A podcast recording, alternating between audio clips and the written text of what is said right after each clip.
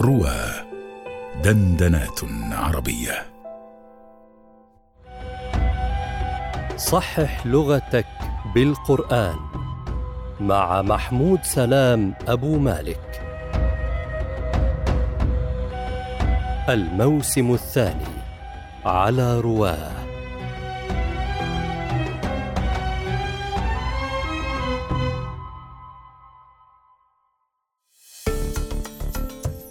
السلام عليكم ورحمة الله وبركاته.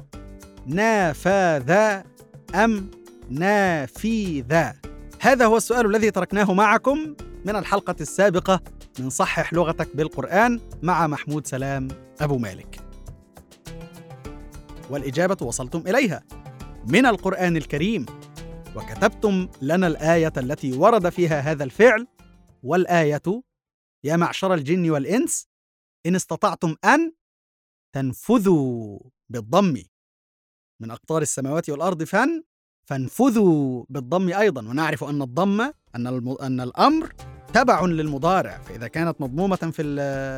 في. في المضارع فهي مضمومة في الأمر. وإن كانت مفتوحة في المضارع فهي مفتوحة في الأمر. وإن كانت مكسورة في المضارع فهي مكسورة في الأمر. احفظوا هذا جيدا.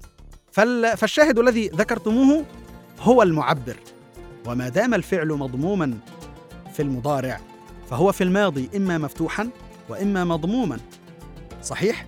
من فعل يفعل أو من فعل يفعل لكن الفعل الذي بين أيدينا ليس من أفعال السجايا الأفعال اللازمة وإنما هو من أفعال ليس من أفعال السجايا والطباع يعني ككبر وقبح وحسن. صحيح؟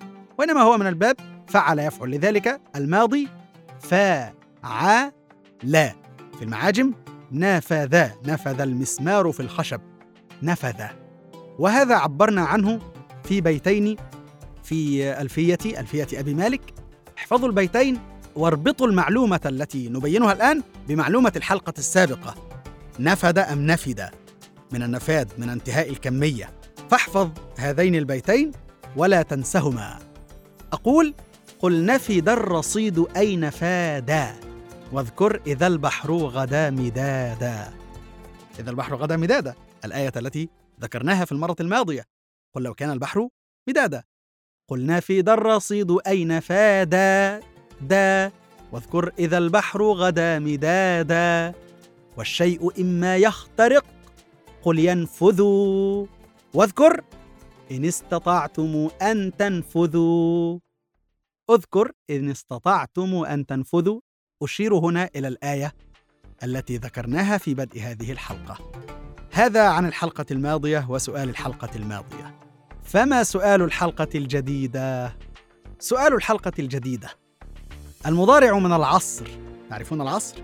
يعصر أم يعصر؟ هذا سؤال. فكروا في إجابته. احصلوا على إجابته من القرآن الكريم من آيات القرآن الكريم وتعالوا في الحلقة الجديدة لنبين إن شاء الله. محبتي لكم محمود سلام أبو مالك.